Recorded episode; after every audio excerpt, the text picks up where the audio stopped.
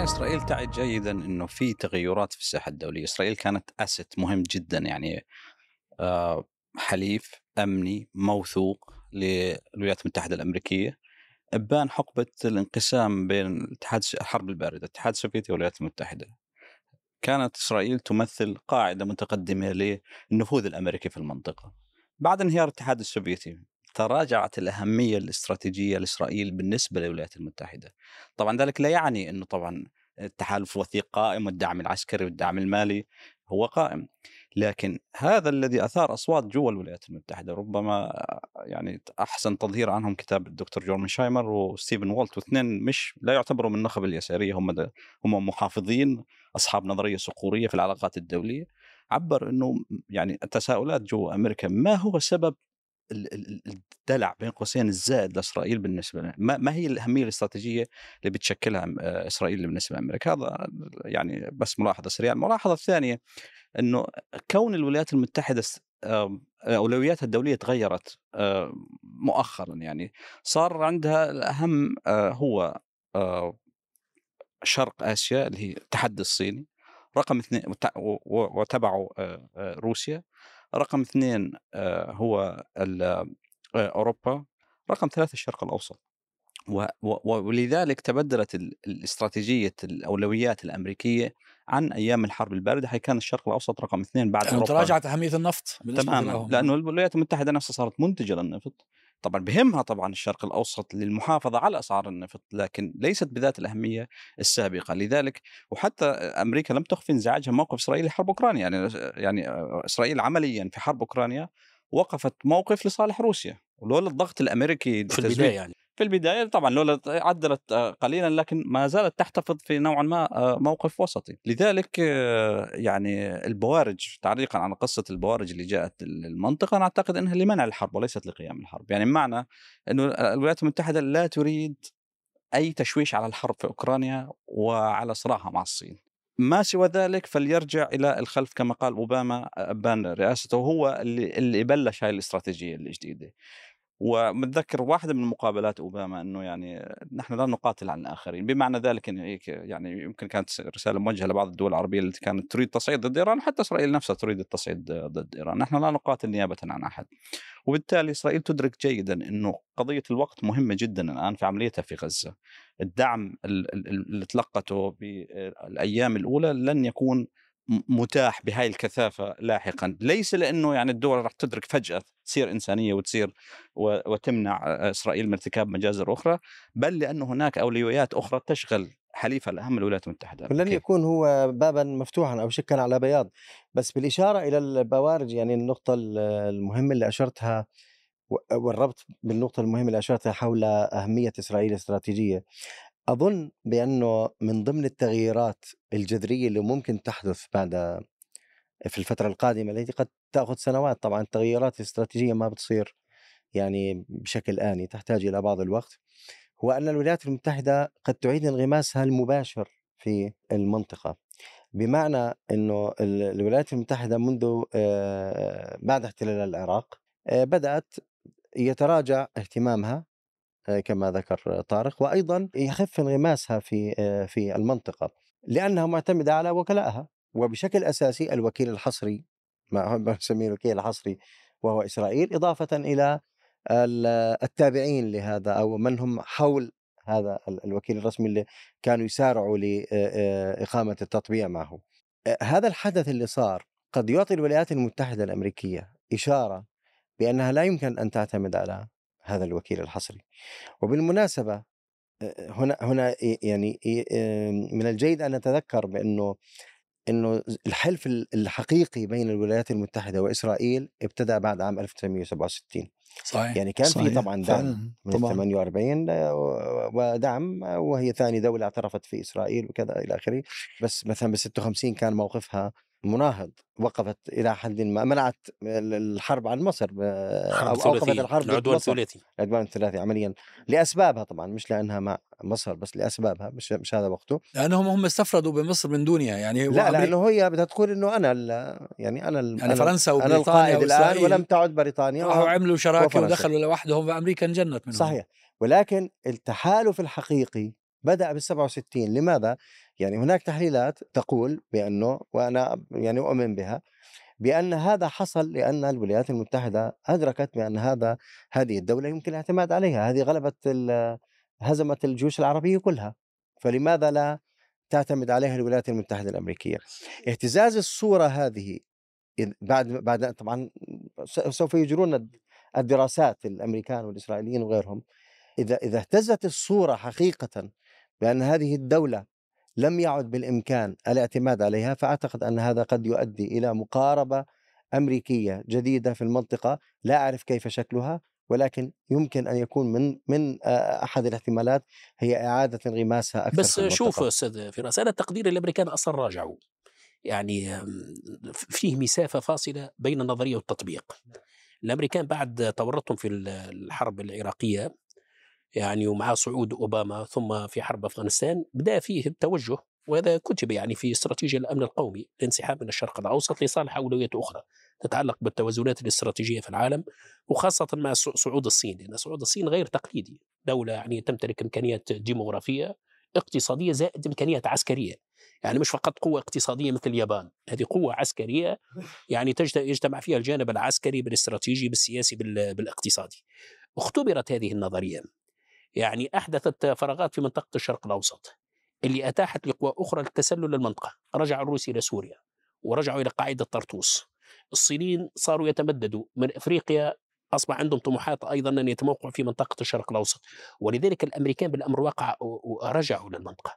تواجدهم العسكري في في سوريا في بعض المواقع في سوريا أيضا في العراق نفسهم يعني استعادوا بعض من تواجدهم العسكري داخل الساحة العراقية وتقديري أنا اختبر اختبر على أرض الواقع أن منطقة الشرق الأوسط لا يمكن أن تكون في ترتيب ثاني أو ترتيب ثاني لو الأمريكان الآن لهم قواعد في كل الدول العربية طبعا قطعا. ما في دولة عربية لهم فيها قواعد بس الولايات المتحدة لم تس... يعني بعد حرب العراق آه لم تشارك بجنودها باستثناء في قصف آه داعش في بعض مناطق سوريا والعراق وأيضا حول آبار النفط الموجودة في منطقة الجزيرة آه، في إيه بس هذا اختبر الخيار هذا وتراجعوا ليه الامريكان كانت هذه طموحات أوباما في البداية لما جاء بعد الأخطاء اللي ارتكبوها المحافظين يجددوا مرحلة بوش الإبن والتورط معنا في معارك عبثية وحروب عبثية في منطقة الشرق الأوسط اللي أعطت فرص لمنافسيهم الدوليين، أعطت فرصة للروس باش يعيدوا بناء قوتهم العسكرية. ومعناها التموقع في منطقة يعني آسيا الوسطى وفي حزامهم كما تقول الجغرافي الأول ثم تمددوا باتجاه منطقة الشرق الأوسط. أدركوا الأمريكان أنهم لا يمكن أن ينسحبوا من هذه المنطقة. أنا تقدير إسرائيل آه، لها وضع خاص. يعني صحيح 56 هذا يتعلق بانتقال الوضع الدولي لأن الأمريكان كانوا يتجهون نحو وراثة النفوذ البريطاني. يعني إسرائيل صنعتها بريطانيا وقاعدة متقدمة قاعدة عسكرية واستراتيجية بالنسبة لبريطانيا القوى الإمبريالية التقليدية في المنطقة. ما عندهاش علاقة بالموضوع الإسرائيلي كان عندها علاقة كيف أن الأمريكان يستغلوا الثغرات أو الأخطاء اللي وقعوا فيها الإنجليز والقوى التقليدية الإنجليز والفرنسيين المسيطرين على منطقة الشرق الأوسط وشمال أفريقيا ويعيدوا التموقع. هذا اللي تم. ولكن في العقيدة عقيدة السياسة الخارجية والعقيدة الدفاعية الأمريكية شنو النقطة الرئيسية اللي فيه؟ ضمان التفوق العسكري الإسرائيلي على الدول العربية منفردة أو مجتمعة. وبالتالي هي عبارة جزء من الأمن القومي الأمريكي. إسرائيل ليست معطى خارجي في حقيقة الأمر. ونحن لما نشوف الآن القواعد العسكرية تتحرك مش فقط هكذا لمجرد النزهة صحيح فيها جانب الردع. ولكن إذا تعرضت إسرائيل لأي مخاطر ستنزل الولايات المتحدة الأمريكية بكل إمكانياتها العسكرية وتعتبرها رقم آه، حرب رقم واحد متقدمة على الصين متقدمة على روسيا ومتقدمة على كل الاعتبارات الأخرى. لأن إسرائيل جزء من الأمن القومي الأمريكي يجب أن ندرك هذا في شوف في 99 بذكر كنا دعينا إلى مؤتمر في واشنطن والجهة المنظمة للمؤتمر آه، دعت مساعد وزير الخارجية الأمريكي ليعطي كلمة. فألقى أعطى كلمته بعدين صار في أسئلة وأجوبة فأحد أحد المشاركين سأله سؤالا كان رده كالتالي وبكل وضوح السياسة السياسة الولايات المتحدة الأمريكية آه، في الشرق الأوسط إسرائيل أولا ثم النفط. هذول الركنين الأساسيين لسياسة الولايات المتحدة الأمريكية. شوف أنا منذ فترة أتساءل هل فعلا الولايات المتحدة الأمريكية انسحبت من الشرق الأوسط؟ أم أن أسلوب الهيمنة هو الذي اختلف؟ يعني أنت الآن أمريكا ما عادت بحاجة إلى إرسال طيارات مأهولة. drones بيبعتوا drones بيغ... أيام أوباما وأيام ترامب وأي... والآن مستمر الأمر. أي واحد بدهم يغتالوه في أي منطقة؟ في الشرق الأوسط أو في العالم الإسلامي؟ بعثوا له طائرة مسيرة تغتاله فما بيحتاجوا إنهم يحطوا جنودهم في المعارك.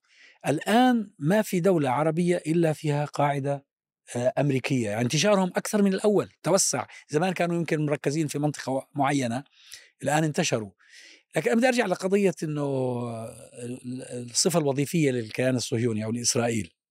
تهيألي إنه العلاقة بين الغرب وإسرائيل وكما كشفت ردود الفعل على هجوم يوم السبت. آه، الصفة الوظيفية هي عنصر فيها وليس كل العناصر. وربما ليس أهم العناصر. أصيبوا بالذعر في واشنطن في لندن في باريس في كل مكان. أصيبوا بالذعر وسارعوا إلى العربدة والتهديد و... ليه؟ هم يعتبرون أن هذا الكيان هو جزء عضوي منهم هو امتداد لهم. هم صنعوه هم أقاموه وهم يعتبرون أنه ربما الجيب الاستعماري الأخير لهم. ما فيش الآن جيوب استعمارية ولا في مكان في العالم إلا هذا الكيان الصهيوني. يعني معنى آخر قضية ليست مرتبطة فقط بإنه ولا ولا تعتمد على مدى آه، استفادتهم أو عدم استفادتهم من الكيان الصهيوني. ربما في النهاية عندما يحسم الأمر الذي سيحسمه أنه سيصبح liability يعني سيصبح عبء كبير جدا لابد من التخلص هو منه. هذا أصلا اللي طرحه ميرشايمر و ستيفن والت. ستيفن والت لما طرحوا قصة اللوبي من أظن عام 2007 أو 2006 أول ما ظهرت ورقة دراسية ثم بعد ذلك أصبح كتابا. أه ولكن أنا يعني النقطة اللي ذكرتها غاية في الأهمية وهي إنه فعلا التصرفات ردود الفعل الغربية. اليوم كان يسألني أحد الأصدقاء إنه يعني إنه شو هذا يعني في بارجتين أمريكيات وسفينتان بريطانيتان وأكيد بعد بريطانيا سوف تتحرك بعض الدول الأوروبية مؤكد يعني. فقلت له التالي قلت له هذا يؤكد ما كنا نقوله دائما بأن إسرائيل يساوي الغرب. لكن المسألة الإشكالية هون أو المشكلة الكبيرة إنه متى يدرك العرب الرسميين كدول أن فلسطين تساوي الدول العربية. صحيح. هنا هنا المسألة المهمة. هنا الإشكالية. هذه نقطة الضعف بالمعادلة. إن الغرب يدرك بأنه إسرائيل مسألة أمن قومي لهم ولذلك تصرفاتهم بالمناسبة مش مش مستغربة لا في الإعلام ولا في السياسة. وهذا حصل لما آه، صار الهجوم على أوكرانيا بالمناسبة. تقريبا شبه بس يمكن لأنه إحنا يعني ما كناش متابعينه زي ما بنتابع فما كناش داخلين بكل التفاصيل ولكن حصل ثورة إعلامية هو و... في عنصر إضافي على فكرة يعني اضافه لذلك أن بريطانيا والولايات المتحدة في في كلا البلدين إعداد للانتخابات القادمة. صحيح فهي صحيح. إسرائيل موضوع انتخابي. صحيح 100% معطى إضافي معطى إضافي مهم. 100% ولكن الأهم هو أنها مسألة أمن قومي لأنه امبارح في في خطاب بايدن أظن مش عارف أي خطاب فيهم امبارح ولا أول امبارح قال كلمة مهمة جدا. غير عبارات التأييد وال, وال يعني واتهامات الطرف الآخر وكل ما كل ما عدا ذلك. قال قلت لنتنياهو أن الرد الإسرائيلي يجب أن يكون حاسما. يعني بمعنى هذا قائد يعطي تعليمات لمرؤوسه عمليا. يعني هاي هاي مش قلت يعني مش مش مش كلام دولة صديقة. ليس مجرد تضامن. آه مش آه نعم مش من دولة صديقه تضامن من دولة صديقة إلى دولة صديقة. ولذلك هاي لو في عقول لدى الحكومات العربية لكانت فهمت بأن بأن المسألة عميقة وأن هذا الأمن الفلسطيني والحق الفلسطيني والقضية الفلسطينية بعيدا عن الشعارات القومية والدينية والوطنية هاي خلص يعني لم يعد لها عند الكثيرين أي معنى. بعيدا عن كل هذه الشعارات أن فلسطين وأمنها وحقوقها وقضيتها هي قضية أمن قومي عربي، للأسف هذا البعد يتم تغييبه وتزويره ولا أدري إلى أين سيصل تعرف الملاحظ في الأيام الأولى وحتى الحقيقة إلى الآن إنه الإعلام الذي هو مجيش لخدمة وللدفاع عن إسرائيل وللدفاع عن حق إسرائيل وهذه ربما نحتاج إلى نقاشه إلى ارتكاب جريمة حرب وجريمة ضد الإنسانية اللي في قضية عزل وقطع ال ال ال يعني إلا الهواء الماء والكهرباء والخدمات الأساسية والطعام عن 2.5 مليون إنسان. آه، دعك عن هذا لكن اللي أريد أكد عليه الردود الإعلامي المعلقين الإعلاميين. كانت في العادة لما يصير مثلا دخول إسرائيلي على غزة أو هجوم أو كان كثير من القادة الإسرائيليين الناطقين الرسميين الإسرائيليين السفير الإسرائيلي أو السفيرة الإسرائيلية. هالمرة هذه 80% بريطانيين. وزراء بريطانيين مسؤولين بريطانيين. من الحكومة البريطانية من المعارضة البريطانية من وزير خارجيه وامس في في إسرائيل. اليوم اليوم الذي تعرض للهجوم بريطانيا نحن في بريطانيا الذي تعرض للهجوم بريطانيا. تشعر أنت تقول هذا هذا صار الهجوم في لندن. ما صار الخطاب في... اللي وجهته وزيرة الداخلية للضباط شيء عجيب شيء عجيب. الحقيقة نحن اليوم نشهد ظاهرة من أعجب ما يمكن المتتبع لتطور الفكر السياسي الغربي وبناء المجتمعات وبناء المؤسسات الغربية الحقيقة يصاب بنوع من الذهول. وصلنا إلى مستوى يا أخي في ممارسات فاشية. في ممارسات فاشية في دولة تعتبر هي قمة في الديمقراطية. إحنا اليوم الكلام الذي قالته وزيرة الداخلية ليس بعيد عن الأنظمة الفاشية التي وجدناها في منتصف القرن الماضي في أوروبا.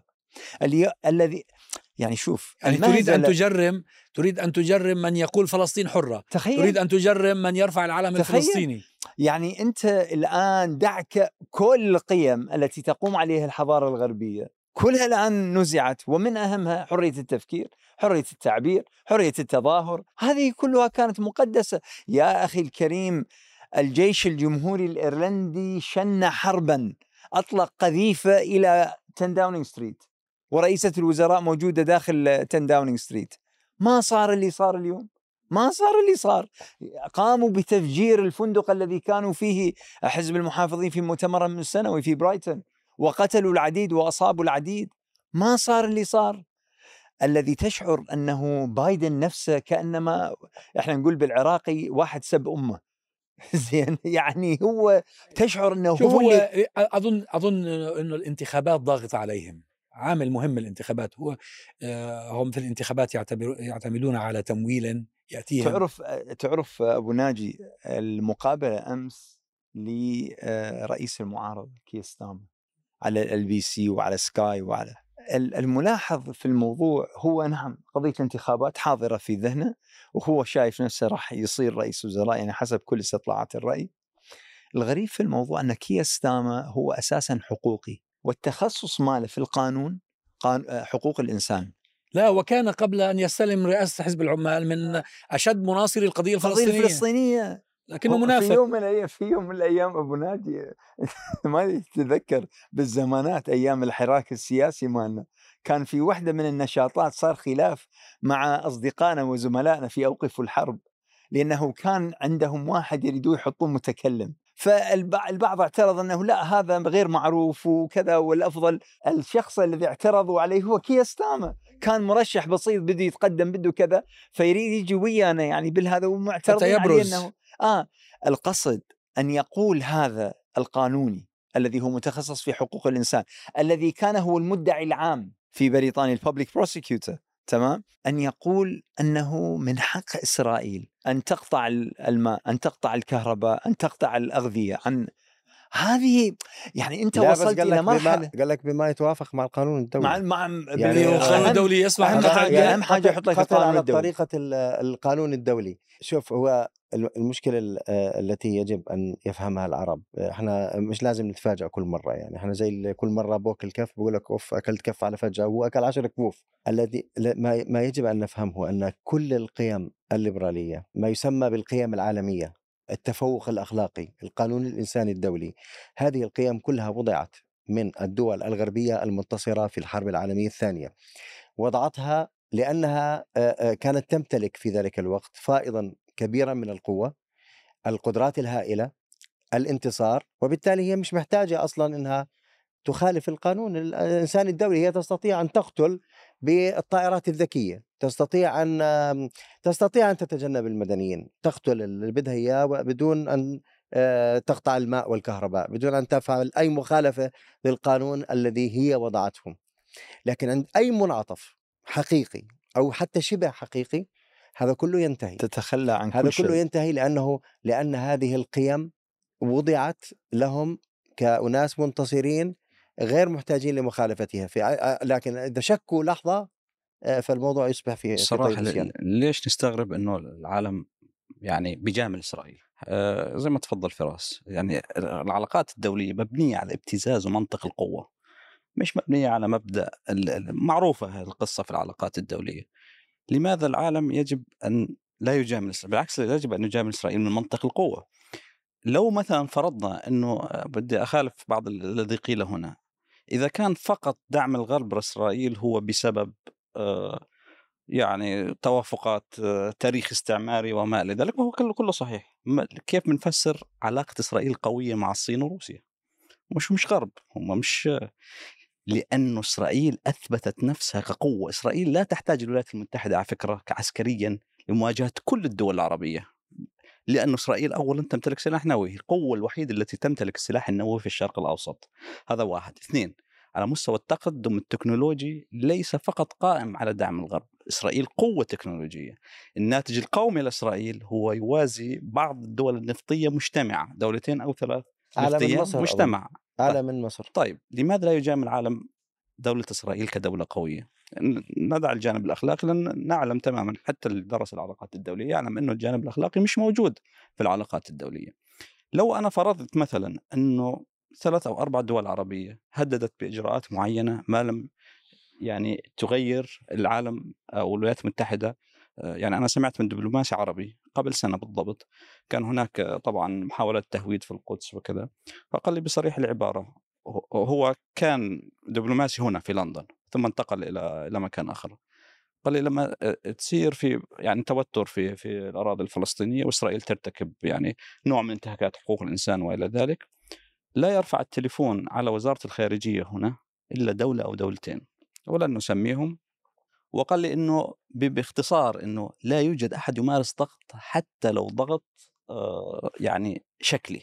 لأن وزارة الخارجية هنا بالفعل قد تغير خطابها يعني وأعطاني مثال أنه وزارة الخارجية غيرت بعض من خطابها وأدانت فأنا يعني شاهد قولي أنه إذا أنت لست قوي في في الساحة الدولية لا أحد يحترمك. والصين مثلا تعرف ذلك الكلام آه، جيدا. مرت بقرن من الإذلال سمته قرن الإذلال. ولذلك هي الصين آه، الآن بتمشي على سياسة الولايات المتحدة بالهيمنة الإقليمية والسيطرة على بحر أيوة الصين الجنوبي وما إلى ذلك. طارق علاقة الصين بإسرائيل وحتى الهند بإسرائيل صحيح ما- بيختلفوا عن الغرب بإسرائيل. يعني هدول الهند والصين كانوا في يوم من الأيام حلفاء للقضية الفلسطينية أنصار القضية الفلسطينية. الحقيقة اللي ذبحنا إحنا كان ديفيد تبعت السادات ثم أوسلو تبعت عرفات. هدول اللي العالم كله صار يقول لن نكون فلسطينيين أكثر من الفلسطينيين. طبعا. فالمصالح صحيح يعني هو هذه طبيعة العلاقة بينهم هي تحكمها المصالح. يعني لاحظنا موقف إسرائيل في حرب أوكرانيا وهي مرغمة جاملت أوكرانيا على عكس ما تريده أمريكا وأوروبا وأذربيجان أيضا. يعني الولايات المتحدة ما ما حبت موقف إسرائيل والدعم الدعم على أذربيجان يعني.